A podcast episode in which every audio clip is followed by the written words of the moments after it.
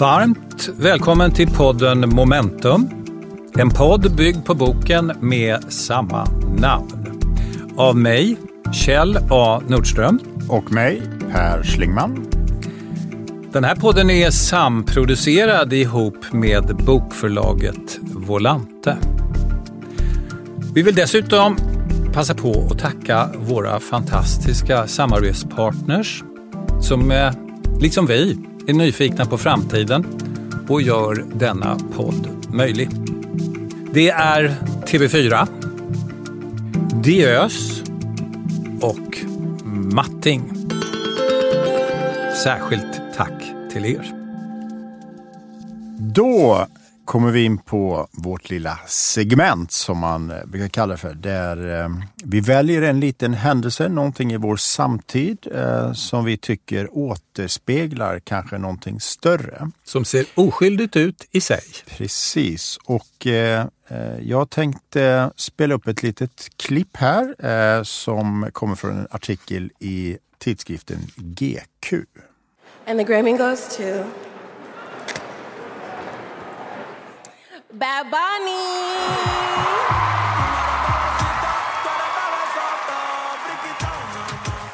Det här är från eh, Grammisgalan 2023, alltså i våras. Ehm, och det intressanta med Bad Bunny, det är kläderna eh, som han har på sig eh, här. Och artikeln i GQ, den handlar om eh, det som vi har pratat ganska mycket om, nämligen normcore. Eh, mm. Som väl kan sägas vara liksom ett hopkok av begreppen hardcore och normal. Mm.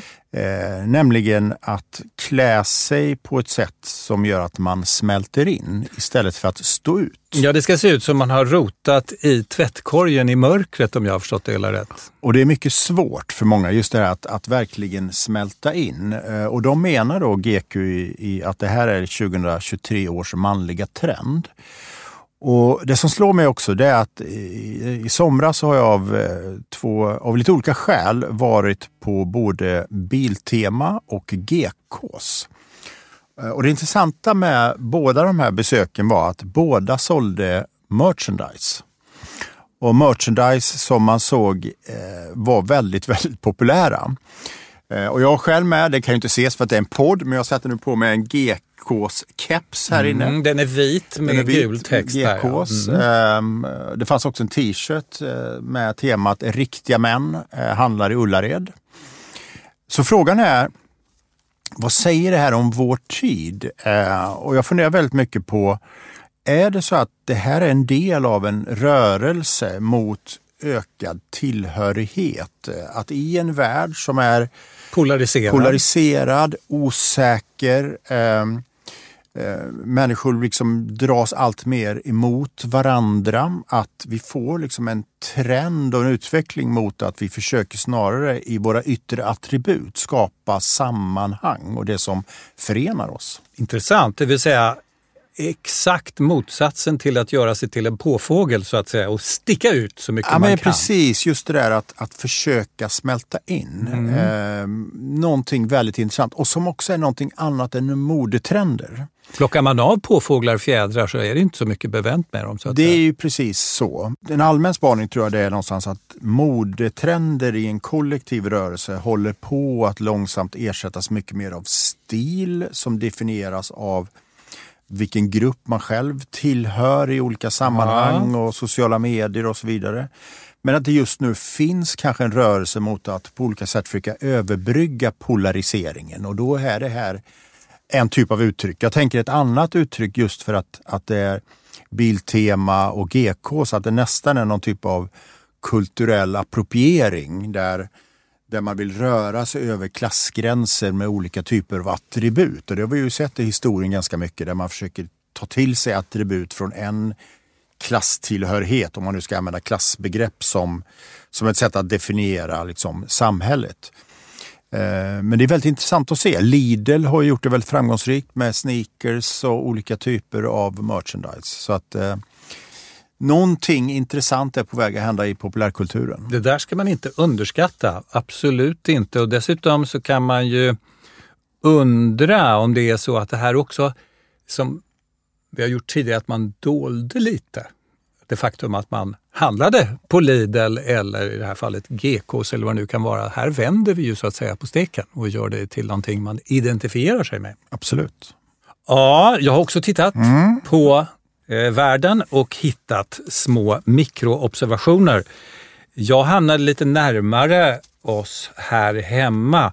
Jag hamnade i Danmark och vi ska lyssna på ett klipp här från CNBC som alltså är en affärs, amerikansk affärskanal. Nordisk hiking its outlook for 2023. This is reporting a 30% increase in sales for the first half of the year, not just from the Upper East Side of Beverly Hills, by the way.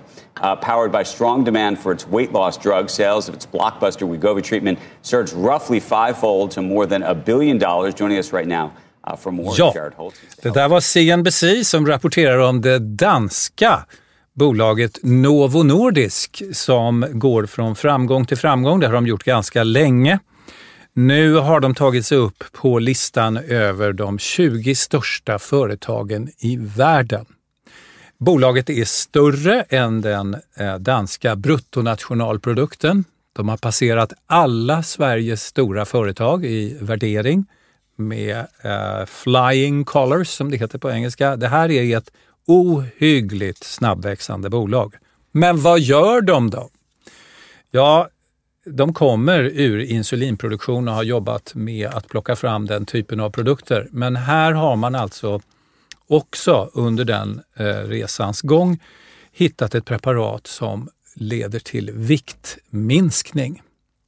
Och det är därför som den här glade eh, personen på CNBC refererar till att alla i Hollywood nu eh, går på det här preparatet. Men om vi stannar där ett ögonblick, det här är ju också berättelsen om en värld som har haft möjlighet att konsumera och konsumera mycket i stora delar av världen under de sista hundra åren och sidoeffekterna har varit enorma.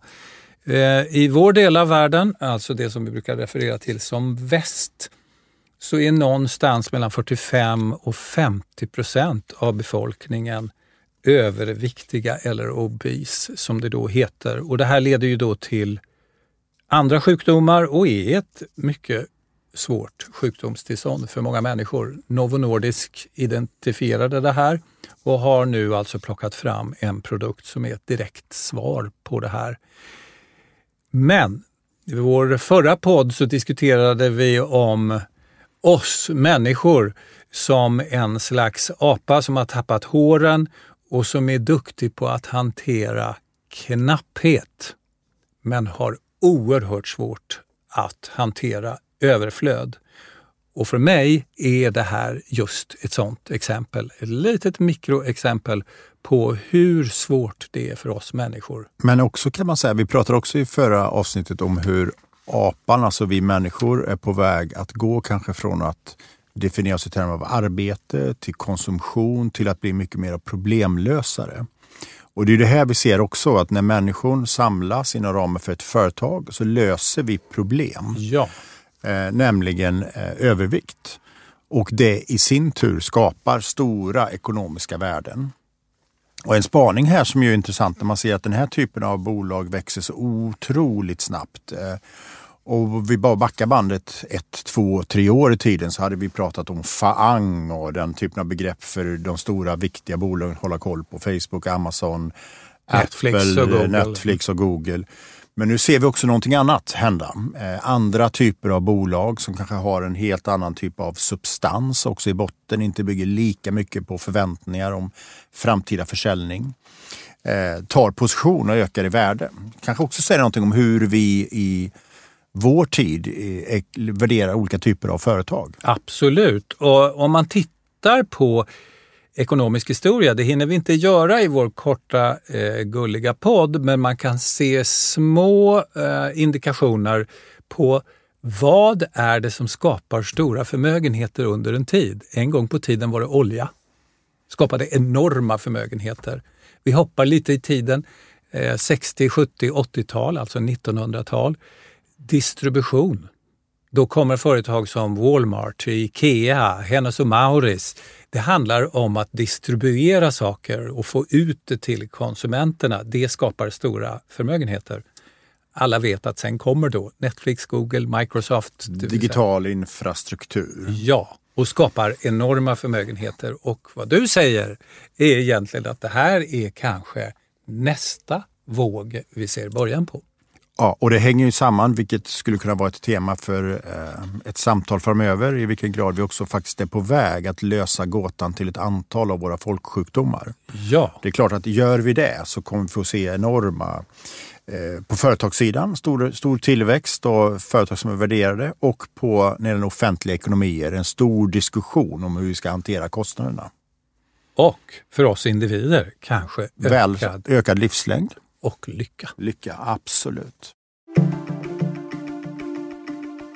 Vi ska gå över till dagens tema som är myter, legender och debunking som är ett roligt amerikanskt begrepp. Debunking, på svenska skulle det bli ungefär sticka hål på en myt om man översätter det till vad eh, det kontextuellt skulle kunna betyda på svenska. Sticka hål på en myt.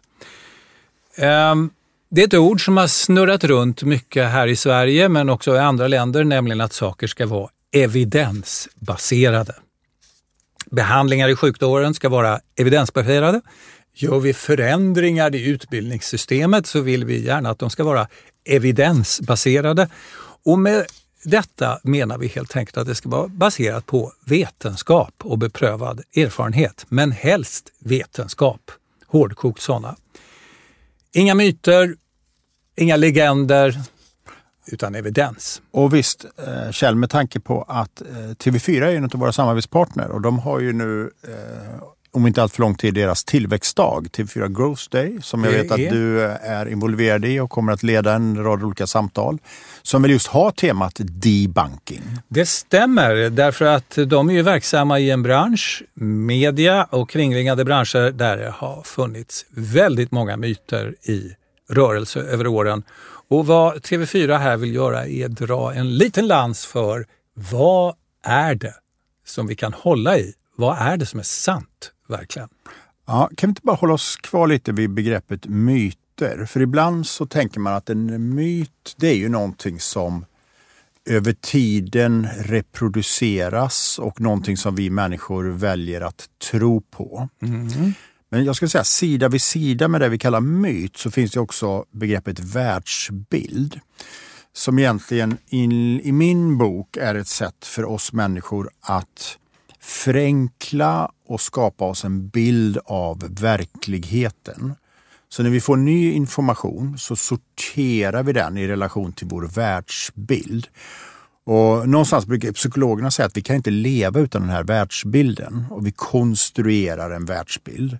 Och, och det finns ju många exempel på det. Jag, jag Eh, måste berätta det så fantastiskt eh, talande. När jag, var- jag var ju aktiv i politiken för ett ganska många år sedan. Vi förnyade ett politiskt parti, Moderaterna. Eh, och det var ju ganska många som var fascinerade då att kan man liksom förändra och förnya ett hundraårigt konservativt politiskt parti. Så att vi fick en del påstötningar, eller jag fick en del påstötningar av företag. Som Att då, komma och förändra. Ja, men så här, vad kan vi lära? Och det går uppenbarligen att förändra ett politiskt parti, kanske det mest konservativa som finns. Dessutom ett konservativt politiskt parti. Så vid ett- tillfälle, jag var lite restriktiv för att min uppgift var ju kanske inte att hjälpa företag då, nu är det mer nu. Men det var en bank som knackade på dörren och jag tyckte att ja, men det, så jag förde ett resonemang med dem och då berättade banken att ja, men du vet, våra kunder, alltså företagskunder, de har ett stort behov av förändring, utveckling. Det kommer saker som så kallade disruptiva och sådär. Och det var du enig i. Det var vi alla eniga i. Men så sa de, vilket var väldigt lustigt då, de sa att men för oss så har ju inte vi det här behovet. Därför att en bank kommer alltid att vara en bank. Punkt. Så bra. Så bra. Och det här var då 10-15 år sedan och sedan dess har vi sett nischbanker, eh, fintech, eh, eh, en rad olika kan man säga pirajer som försöker attackera de här valarna som affärsbanker. Men då är frågan, är det en myt? Eller jag skulle säga att det är mer en världsbild. Man skapar sig en bild. Hur tänker kunder? Hur tänker medborgare? I politiken består av massa världsbilder. Man, man kan inte göra så för då, då kommer människor inte rösta på dig. Så att, någonstans är det väl så att framgång i alla tider handlar faktiskt om att våga utmana sin egen världsbild. Våga Men tänka på ett annat sätt. ett före och ett efter här Per? Därför att vad som vi kanske skulle säga, det är en världsbild. En bank är en bank. Det, det kan man leva med ganska länge, kanske i hundra år. En bank är en bank. Men en dag är en bank inte en bank och då har världsbilden förvandlats. Och den som lyckas kommer bli det nya, för att ta ett tidigare exempel, nya Novo Nordisk. Den som säger att en bank kan vara någonting annat. En bank kan vara ICA. Förändrar den kollektiva världsbilden. Och då förvandlades världsbilden till en myt. Det visade sig vara ingenting annat än ett Ett påhitt. annat sånt där exempel är ju det vi kallar för butiksdöden. Butikerna håller på att dö, punkt slut. Så ser vi på aktörer som Dollarstore, Rusta, både på budgetsidan, på lyxsidan, på mycket mer upplevelsebaserat. Så någonstans är det det som vi kallar för evidens och empiri, är ju att, att inte förenkla. Att faktiskt också se nyanser, att våga. Och jag brukar tänka på det, att ha liksom en världsbild som är väldigt lös i kanterna. Eh, och det är någonstans, eh, handlar ju väldigt mycket om trygghet, eh, nyfikenhet eh, och att ständigt ifrågasätta sig själv. Eh, och jag bara ett sista exempel på det som är intressant. Det var också typ 10-15 år sedan så var det ett, me- ett mediehus faktiskt som vi pratade om förändring utifrån faktiskt Moderaternas förändring. Eh, och de hade en väldigt rolig idé. För de, de var väldigt medvetna om det här med världsbild och myter. Så de sa så här, vad vi har gjort eller ska göra, jag kommer inte ihåg, jag vet inte ens om de gjorde det, men idén var intressant. De sa så här, vi kommer anställa fyra, de sa killar, kommer sätta dem i ett garage och de kommer ha en uppgift. Det är att konkurrera ut oss. Och vad de kommer göra kan vi sedan lära oss av för att ta våra steg och utmana vår egen världsbild. Ja, jag förstår. Man syratestar sin egen världsbild Precis, man skapar sina egna konkurrenter. och kollar om det är en myt eller en världsbild. Precis. Fiffigt. Aktiv eh, debunking. Vi behöver antagligen de här eh, rötterna, som du säger för att överhuvudtaget orientera oss i tillvaron. Och det förklarar ju varför vi så gärna tar till oss berättelser. Oavsett om de är sanna eller inte, det är en andrahandsfråga för oss därför att de hjälper till att orientera oss i tillvaron och många gånger också skapa tillhörighet. Absolut, och det finns ju forskning som visar att vi människor eh, faktiskt, även om vi vet att en berättelse inte fullt ut är sann, så är vi benägna att tro på den därför att berättelsen engagerar. Det finns också forskning som visar att berättelser som antingen bygger väldigt mycket på hot, eller på alltså rädslor eller på hopp, tar vi till oss mycket mer än de här liksom förfinade, nyanserade berättelserna. Och det talar ju någonstans eh, kring det som vi kallar för alternativa fakta och fake news som skulle kunna vara ett annat sätt att faktiskt beskriva myt. Om man tar liksom Trump och Hillary Clinton så var det ju två olika eh, världsbilder eller två olika cocktails av myter om det amerikanska samhället. Och båda handlar i grund och botten om hur Clinton eller Trump, vem var den bästa berättaren? Som vi då väljer att inordna vår världsbild i. Och vi såg ju hur det gick. Och, och för att ta det liksom till vår egen vardag. Tidningarnas ledarsidor är ju egentligen består av olika världsbilder, olika cocktails av myter. Och jag vet att många som läser ledarsidor gör det lite grann för att faktiskt också kunna liksom ta till sig, jag är en del av en identitet av en politisk rörelse. Så att världsbilder står emot varandra. När du säger det där kommer jag att tänka på någonting som är i nyheterna varje dag, och numera nästan varje timme. Och det är förstås Rysslands invasion av Ukraina, men vi ska inte prata mer om det här. Men jag har bott i länder som har varit autokratiska. Jag bodde eh, till exempel i Pakistan under ett antal år när landet var en autokrati. Och då fick man uppleva hur en miljö där det inte finns tillgång till korrekt information blir som en bubblande, alldeles vild basar av myter. För då sätter vi igång och hittar på. Eftersom det inte finns någon flöde av sanning eller försök till att säga det som är riktigt, ja då producerar vi människor alldeles vilt. Och livet förvandlas till en basar där man byter de här berättelserna med varandra. Det vill säga, har du hört att? Visste du att? Äh, jag hörde en grej Men också igår. politiskt där, där mytbildning blir ju ett maktmedel. Är ett Är ett maktmedel och är ju ett maktmedel också i demokratier.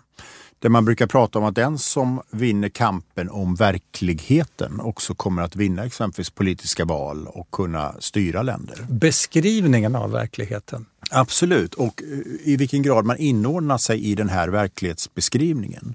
Vad är problemen? Hur ser samhället ut? Och det är klart, i en polariserad värld så har vi olika verklighetsbeskrivningar. Så det, det är det någonstans kampen handlar om. Eh, Och det är det jag tror också som många söker i ett politiskt ledarskap. Jag tycker att Hans Rosling var ett intressant exempel. Han pratade ju väldigt lite om vad han tyckte man skulle kunna göra.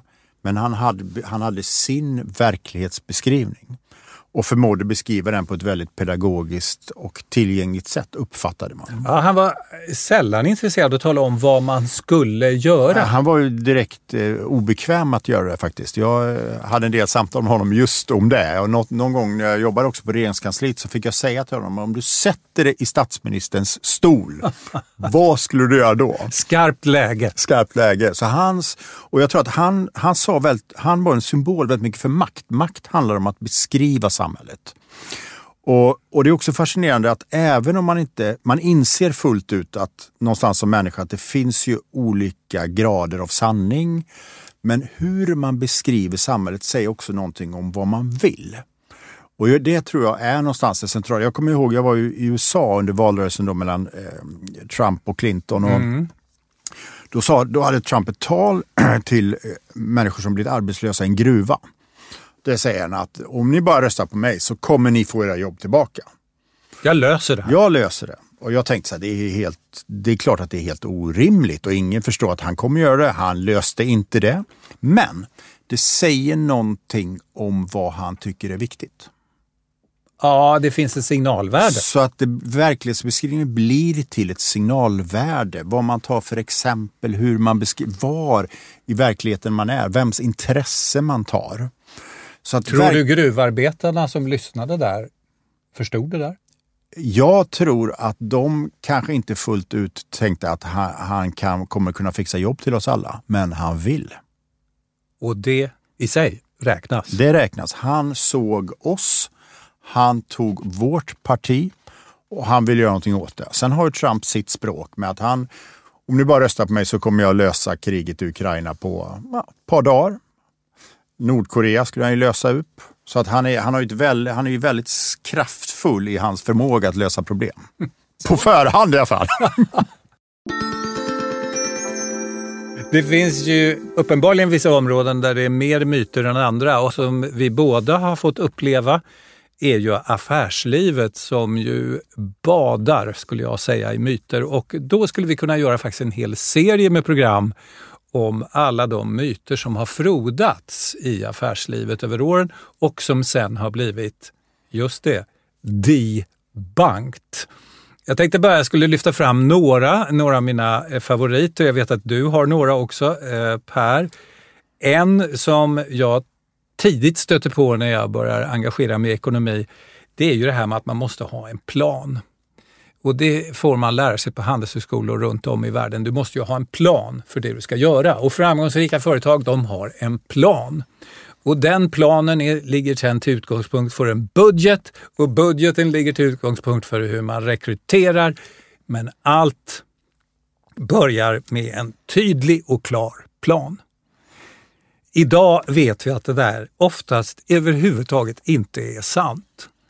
Eh, Framgångsrika företag gör något helt annat. Tar vi ett bevisligen ganska framgångsrikt företag, IKEA, vi tar något som är nära oss själva, så kan man se hur det där börjar som någonting, ställs om till någonting annat, som blir någonting tredje, som blir någonting fjärde, beroende på att grundaren stöter helt enkelt på problem.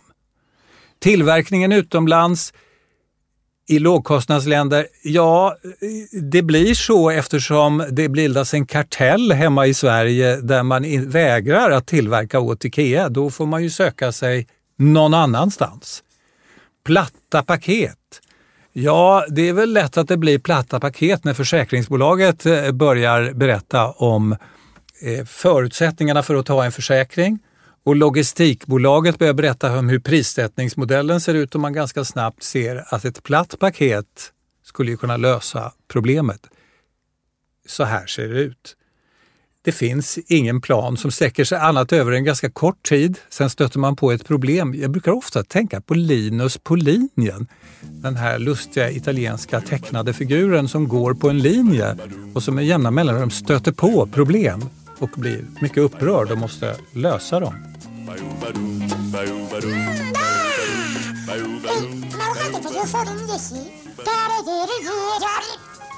Det bygger på anpassning, det kallas på engelska muddling through. Det är intressant där, därför att det är ju klart att, att ha en plan som man sen agerar utifrån, det är en väldigt tydlig myt. Samtidigt så kan man fundera på Eh, alternativet att agera i planlöshet i ett vakuum. Så frågan är om inte slutsatsen är att även om framgången med planering är en myt så finns ett värde i att planera, nämligen att en bra plan gör att du kan vara mer flexibel. Och att framgång sen handlar om förmågan till adaption eller muddling eller vad vi kallar det för. Just det där att för att inte planera för framtiden. Muddling översatt till svenska blir ungefär böka. Böka, anpassa sig, men också det visar ju undersökningar om man tittar på empiri att de företag som ofta är mest framgångsrika det är de som förmår lära av andra, som är adaptiva, som hittar saker och ting. Jag eh, tänkte exempel på det, jag var, var i, i helgen i Amsterdam, väldigt intressant, så var det en reklam för en gymkedja. Så stod det så här att ah, men som alla gymkedjor så betalar man ju månadsabonnemang. Men här var det så att för varje gång du tränade så blev avgiften lägre. För varje gång du tränade blev avgiften lägre. Så säg att det kostade 50 euro i månaden. Ja. Så kanske du varje gång du tränar så får du en, en euro rabatt. Så att ju mer du nyttjar, desto lägre abonnemangsavgift. Det funkar bara på holländare. Det funkar väldigt bra på holländare. Ja, väldigt bra på att hålla händer. De är väldigt ekonomiskt intresserade. Ja, men jag skulle vilja säga så här att det intressanta är att man skapar incitament för människor eh, att inte bara vara en economic man utan faktiskt lösa andra problem. Det finns ju ett, vet, ett sydafrikanskt eh, försäkringsbolag som innebär att om du går x antal steg per dag så får du lägre premie. Man sätter in olika monitorering i bilarna. Om du håller hastighetsbegränsningen får du lägre bilpremie. Så ditt beteende påverkar också vad du betalar. En myt bland många är ju att holländare är särskilt intresserade av pengar och möjligen skulle kallas på svenska för snåla. Precis, de ligger eh, dikt an till Danmark i det hänseendet. Ja, och därför skulle man ju då kunna tänka sig att den här typen av eh, men det är också intressant, myter om olika eh, kulturer, ol människor från olika länder. Det är väl det som också skapar en del av polariseringen i världen. Absolut. Och Mellan tro. män och kvinnor, tro. Och det är ju ofta myter, Absolut. visar det sig vart efter tiden går. Men eh, planer verkar Mm. i vart fall kunna fungera, om jag förstår dig rätt Per, eh, under vissa omständigheter och behövs, men det är inte allena Mm. Man måste ha ett saliggörande. nyktert förhållningssätt till planer och se dem som en riktning, tror jag, snarare än någonting som måste genomföras. Ja, men det där var väl alldeles utomordentligt Mm. sammanfattning. Det vill säga A. Nyktert. B. Det pekar ut en riktning. Då kommer vi in på eh, nästa myt som är en av mina favoriter och som jag tror är någonting som är verkligen en hämsko för utvecklingen. Och det är det här med mätbarhet och KPI. att i alla organisationer, i eh, kommuner, regioner, i företag. Du kanske ska berätta för lyssnarna vad Key KP Performance Indicator. Ja. Innan vi gör saker och ting så ska vi sätta upp olika mått som vi ska nå. Mm. Och det är ju naturligtvis eh, bra i en teoretisk mening. Problemet det är att vi väljer att fokusera på sånt som vi kan mäta och kanske inte sånt som vi vill. Eh, dessutom är det så att jag har jobbat mycket med marknadsföring och marknadsundersökningar och man kan ju bara mäta det som människor känner till. Man kan inte mäta det som inte finns. Så jag skulle säga att, att myten om kraften i det mätbara, behovet att jobba med KPI, det hänger ihop med det här med planer och budgetar och mätbara mål. Så jag tror också att, att det är en väldigt stark myt som man måste våga frigöra sig ifrån och måste våga vara mer i stunden och kanske jobba mer med kvalitativa mål. Och det var någon inom reklamvärlden exempelvis så jobbar man väldigt mycket med tidrapportering. Man ska ange alla sina timmar och sådär. Och sen tittar man väldigt mycket på lönsamhet. Men det har vuxit fram en annan syn som egentligen handlar om att, att gör vi bara ett väldigt bra jobb med hög kreativ höjd så kommer det i sin tur att löna sig. Förr eller senare. Och styrs man mot kreativitet eller styr man mot ekonomiska variabler? Och jag skulle säga styr man mot kreativitet så kommer man över tid att bli mer framgångsrik. Men det går inte att mäta på samma sätt. Nej, det gör det inte. Jag sitter och tänker på någonting som du och jag skrev om i en av våra böcker, nämligen flytvästar i betong. Mm. Som vi producerar och vi gör dem bra. Och med Key Performance Indicators så kan man ju där se att vi gör det bra. Vi gör många, kvaliteten är hög. Men frågan är om det är en produkt som bör finnas överhuvudtaget. Det kan man fråga sig. Vi går över till något annat. Det finns ju hur många som helst. Under en lång period, och det här kan nästan alla lyssnare komma ihåg, så pratades det om talang, talang, talang. Allt handlade om talang. Eh, The War for Talent, en amerikansk eh, konsultfirma, McKinsey, eh, de konstaterade sen några år senare, there is no war for talent. Talent Has won. won. Precis. Och då hade man kommit hela vägen. Allt i företagande handlar om talang ytterst. För maskiner kan man ju köpa. Mm. Men låt mig säga då, bara som en liten bi, en parentes här, att samtidigt som talangen har vunnit så lever den, låt oss kalla det myt, eller empirisk sanning, sida vid sida med att kunden ska alltid vara i centrum. Ja. Så att talangen har vunnit, men kunden ska fortfarande vara i centrum för allt man gör inte talangerna. Vi ska titta lite mm. på de där myterna. Konkurrera och, med varandra. För de konkurrerar mm. ju precis eh, med varandra. Ja, talang, talang, talang och talang har vunnit. Men är talang så viktigt då? Ja, det här har det forskats på och här har vi ett roligt försök som eh, Per och jag tänkte att ni skulle få förhålla er till. Det kallades för The Music Lab och är ganska enkelt strukturerat. Det är 48 stycken låtar som Music Lab presenterar och ger 14 000 deltagare möjlighet att ranka de här låtarna och ladda ner låtarna gratis. Så 14 000 människor får lyssna på de här 48 låtarna. De får ranka dem mellan 1 och 5 och de får ladda ner musiken. Det är bara det att som alla vetenskapliga listiga försök så pågår det grejer bakom kulisserna. 20 procent av de som checkar in på The Music Lab leds in i en värld för sig. Och i den världen är man helt oberoende. Det vill säga, jag vet inte vad de andra gör i den här världen. Jag, bara, jag är bara där själv. Och jag laddar ner med musik och jag rankar och så går jag hem.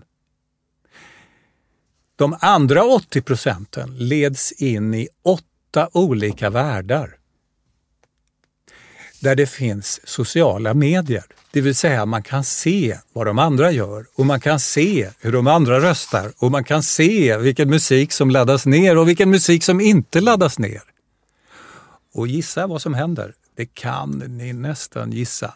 I de världar där det finns sociala medier, utbryter en enorm polarisering och det går blixtsnabbt. Vi tittar naturligtvis direkt på den är populär, den är populär, därför blir den mer populär. Och den är mer populär, då blir den ännu mer populär. Det finns en amerikansk förläggare som man ibland eh, brukar skoja om, som får frågan om Why was this book so successful? Och hans svar är Because it sold a lot. Det vill säga, det där låter ju som ett trivialt svar från början, men Kanske är det inte det. Utan det säljer mycket, vilket gör att det säljer mycket, vilket gör att det säljer ännu mer. Absolut, och det intressanta då att i de här var det åtta grupper eh, mm. eh, som, där man levde också kunde se hur andra agerade. så slog olika låtar igenom i de olika grupperna. Det stämmer. Och det säger också någonting om att vissa individer i vissa grupper Närmast slumpmässigt. närmast slumpmässigt influerar. Och det här säger någonting om så att säga, vad är substans när man får välja oberoende och hur gör man val i en miljö som vi ju lever i, i interaktion med andra. En möjlig slutsats av det här det är ju att Madonna inte nödvändigtvis har varit så framgångsrik i en annan värld. I en värld där det hade funnits extrema mängder av sociala medier när hon gör entré så kanske en annan kvinnlig artist det året hade fått lite framgång som gör att hon får mera framgång som gör att Madonna försvinner i den mängd av kvinnliga artister som kom ut på marknaden det året. Absolut, och lite grann är det väl också så där man brukar säga att, att tidigare så kunde man som artist eller som författare eller vad det är, kunna ha en ganska lång karriär, nå många. Idag är det mycket mer som popcorn. Eh, det kommer snabbt. Eh. Jag tänker också så här, det finns ett begrepp som heter losers dust. Att när man som företag eller person hamnar i en knepig läge, man blir non grata och ingen vill ta i dig. Det finns stjärndamm Det- å ena sidan och losers Precis, dust. dust. Och det har ju till och med SVT har ett program som heter Persona non grata. Man låter människor som har lite omges av det här. Och den här winners dust är intressant därför att vi vill gärna följa vinnaren, följa den som leder. Och det påverkar till och med då vilka låtar vi anser att vi gillar. Om det är så här, jag ska ha en fråga till dig Per, därför att en möjlig slutsats av det här är nummer ett, Madonna kanske inte hade varit framgångsrik i en annan värld där det hade funnits sociala medier. En annan möjlig slutsats, hypotes som det kallas när man är forskare, är att talang, ja visst, mm, eh, lite, men mest flax för framgång. Extrem framgång, talang, ja lite mer talang kanske, men framförallt sjukt mycket flax. Det vill säga man kommer in i en tidpunkt då man kommer upp som det valda alternativet som sätter igång det här härliga maskineriet. Men det jag måste fråga dig Per, är, vad är det som händer i den politiska världen där jag hör dig säga ordet polarisering minst 20 gånger i veckan när vi talar Ja, med nej, men varandra? det, det är, jag skulle säga att det är nog väldigt mycket samma typ av logik vi ser. Men det måste man kombinera ihop med det här eh, världs, väldigt starka världsbilder som är väldigt polariserade sida vid sida. Där politiskt ledarskap handlar ganska mycket om, vi pratar om den här berättelsen, men i grund och botten är det en världsbild där man kan se att Sverige var ett ganska homogent land ganska länge. Fanns en väldigt stark världsbild, hela folkhemsidén. Sen utmanades den, världen förändrades, avreglerades, en annan världsbild. Milton Friedman, Margaret Thatcher eh, Eh, skapade en annan världsbild och sen så kom någonting annat som hände att vi såg att Jimmy Åkesson och Hans Lika presenterade en tredje typ av världsbild. Så att jag tror att det är det här som händer i politiken och på samma sätt som de här åtta grupperna då landar i olika låtval eh, beroende på vilka kontexter man är med i så sker ju samma sak här. Och om man tittar man på Trump, återigen intressant, han, han kan man säga hoppade över ledet traditionella medier och skapade direkt, agerade direkt i sin egen sociala grupp. Och jag Byggde i den meningen en egen mening. värld. Och, absolut, och jag följde ganska mycket amerikanska valrörelser och det intressanta var att alla sa gång på gång på gång, både demokrater och republikaner, att what you have to do is to create your own database. Du måste gå förbi medierna, skapa en egen relation till människor som sen kommunicerar. Men jag måste också säga så här att, att flax är ju väldigt intressant.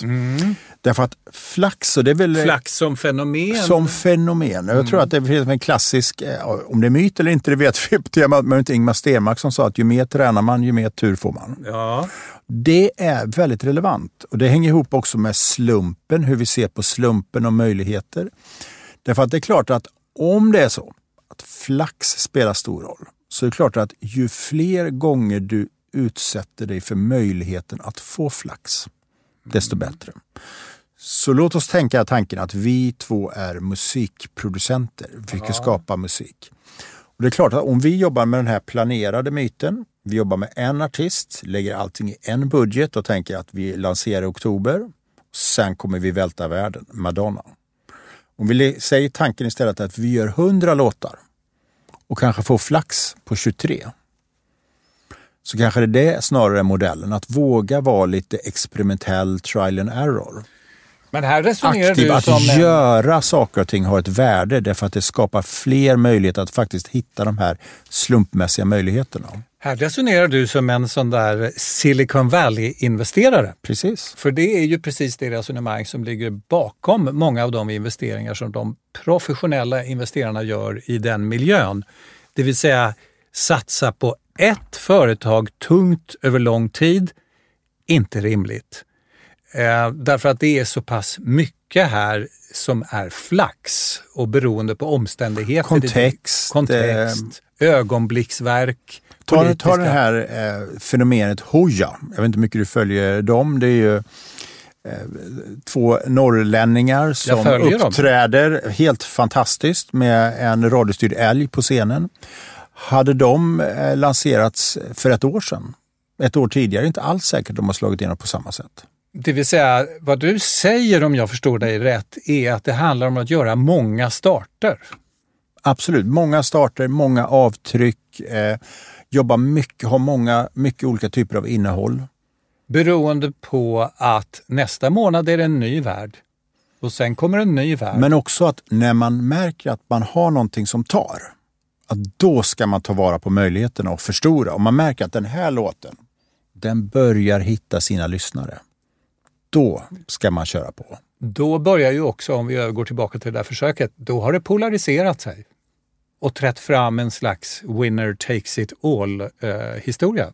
Och det var, jag tror att det var, det kan också vara en myt för att tala om det, men Netflix har någon gång sagt om deras syn på skapande att när det gäller att skapa innehåll går det inte att jobba med data.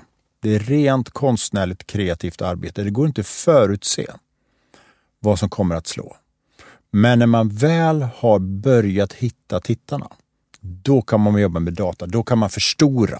Men då är det polariserat och klart. Då är det polariserat och klart. Men Om då kan man förstora, använda data och så vidare. Men just det där att, att hitta framgången, att hitta det som tar tag i människor. Att ta det här exemplet med det här abonnemangsformen med rabatt på gym. Någonstans kanske det börjar fungera, det tar sig och det sprider sig i vissa polariserade grupper. Det kan ju vara så enkelt om vi drar det tillbaka till den där apan som vi resonerade om i vårt förra poddavsnitt. Det vill säga att vi är ju ganska ursprungliga, hur det än är, att vårt sökande efter en flock och en flocktillhörighet i en värld med sociala medier där vi kan se vad de andra gör vill vi snabbt komma in i den där flocken och så orienterar vi oss mot en viss flock och en annan inte. Det vill säga det polariserar sig väldigt snabbt. Det kan man ju inte göra i det här som kallas för the independent world, den oberoende världen, för jag vet ju inte vad de andra gör. Du kan bara förhålla dig till dina egna erfarenheter. I det fallet, ja. Som ju också bygger på en rad olika mytbildningar.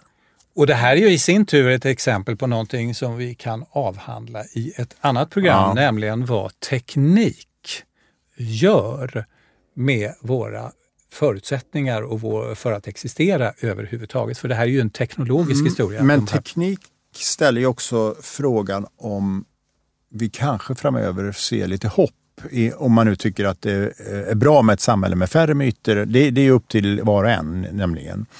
Men det kan ju vara så faktiskt att artificiell du blickar nu framåt. Vi blickar framåt lite och funderar på hur kommer utvecklingen bli? Därför Ja. att den här extrema... Pol- vi har ju sett polarisering länge i meningen olika konsumtionsmönster. Vi har Politiska ståndpunkter. Vissa har, prat, har klätt det här i klassbegrepp, andra har klätt det i individbegrepp. Men någonstans kan man säga att med informationssamhällets förändring, med det vi kallar filterbubblor, med ett samhälle där människor lever allt mer olika så har ju också vår världsbild polariserats. Inte bara vår ekonomiska status, vår konsumtion och vår identitet.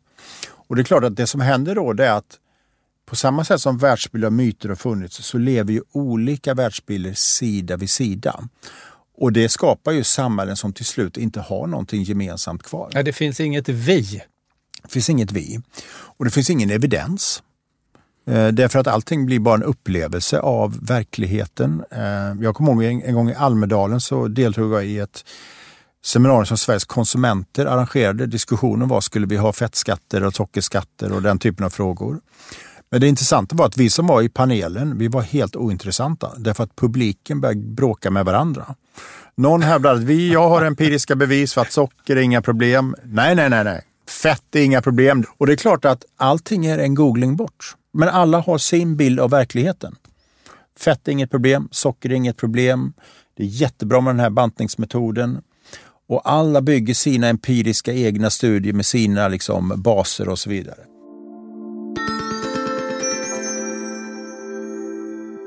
Men frågan är, om vi blickar framåt, så vet jag att du har viss tilltro till tekniken även här. Jag har ofta en viss tilltro till tekniken och eh, hamnar ofta i slutsatsen att saker blir bättre. Robotisering av näringslivet har gjort saker bättre totalt sett för oss människor. Jag kan inte se romantiken i att vi ska tillbaka till enahanda arbeten, förfärliga omständigheter. Jag tycker det andas optimism att AI Eh, gör enklare handläggningsarbeten på försäkringsbolag, i bank, kreditprövningar. Jag kan inte se poängen med att det här ska göras av människor, att det finns något eget värde i det. Och kanske är det så, tänker jag, att AI skulle kunna vara den stora debunkern här. Inte minst i att ta hål på de där världarna som vi har pratat om nu, för de bygger ju väldigt mycket på ett känslomässigt spel där vi vill identifiera oss med en viss grupp. Det där har en AI inte svårt att ta hål på och det är hoppingivande för mig mm. med de här maskinerna. Men jag vet att du tvivlar lite på maskinerna. Nej, men jag, jag tror att de kommer att spela roll. Jag tror att de, de kommer vara den positivt bidragande kraften till en värld som kanske ändå blir mer gemensam, där vi vill, lutar oss mer mot gemensamma erfarenheter, gemensam kunskap. Eh. För att vi kan debanka? Vi kan debanka på ett mycket enklare sätt. Och vi kan också tänka, om man tar exempelvis, är det bra eller dåligt med socker? Mm. Se vad finns det för olika undersökningar som är gjorda och vi kan väga ihop och få liksom Eh, en, en trovärdiga, tror jag, källor som gör att vi människor kan mer förhålla oss till det som är evidensbaserat. Men dels så är det ju så fortsatt, tror jag, att eh, utvecklingen går mot ökad polarisering. Allt det som är gemensamt kommer att stagnera. Tills vidare. Tills vidare. Det gäller det politiska ledarskapet, det gäller hur vi som konsumenter agerar på olika sätt. Och jag tänker också att starka berättelser, starka berättare kommer att kunna trumfa evidens eh, framöver. Och Jag tänker också på det faktum att det som gör svårt både med artificiell intelligens, all typ av mätbarhet, all typ av evidens, det är att det går inte att mäta det som inte finns. Det går inte att mäta sånt som inte har gjorts. Och Innovation handlar väldigt mycket om att våga testa det nya.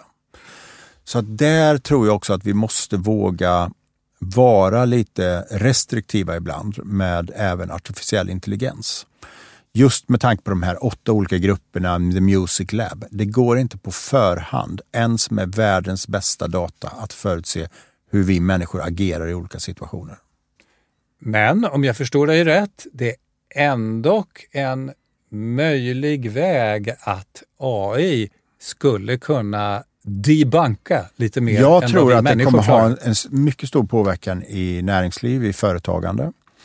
Eh, förhoppningsvis så får det också påverkan på hur vi människor upplever verkligheten. Ett sånt där exempel. Har vi hög invandring till Sverige idag eller inte? Det finns otroligt många olika uppfattningar om detta där, i den typen av frågor, att få mer av en gemensam verklighetsberättelse, eh, verklighetsbild, där tror jag att AI kan bidra positivt. Rensa upp, presentera data, skapa ett vi. Definitivt. Och ta det här med benchmarking. Jag, jag är ett företag som verkar i bransch X. Eh, vad gör andra i bransch X? Vi kommer ju otroligt snabbt att kunna ta till oss mycket mer exempel som andra gör för att kunna lära och adaptera. Så att det kommer bli en tillväxtmotor, en konkurrensmotor. Det kommer skärpa konkurrensen på olika sätt. Så att, eh, men i grund och botten så håller jag helt med dig. Det, det har mycket positivt i sig. Inte slut med myter på några villkorsvis. Tvärtom om jag förstår det rätt. Men vi kommer samtidigt att få se teknik som tar hål på myterna. Ja, men som är en, en motkraft mot det i, i vissa sektorer. Det är jag helt övertygad om. Kraft och motkraft brukar också vara bra. Absolut, kontraster. Tack så mycket för idag tack, säger tack. vi till varandra och till er lyssnare. Vi ska också tacka våra sponsorer. Den här podden är möjlig tack vare våra underbara samarbetspartners som är precis lika nyfikna på framtiden som vi är. Och i den här omgången är det alltså TV4, Diös och Matting som är våra partners och tittar in mot framtiden.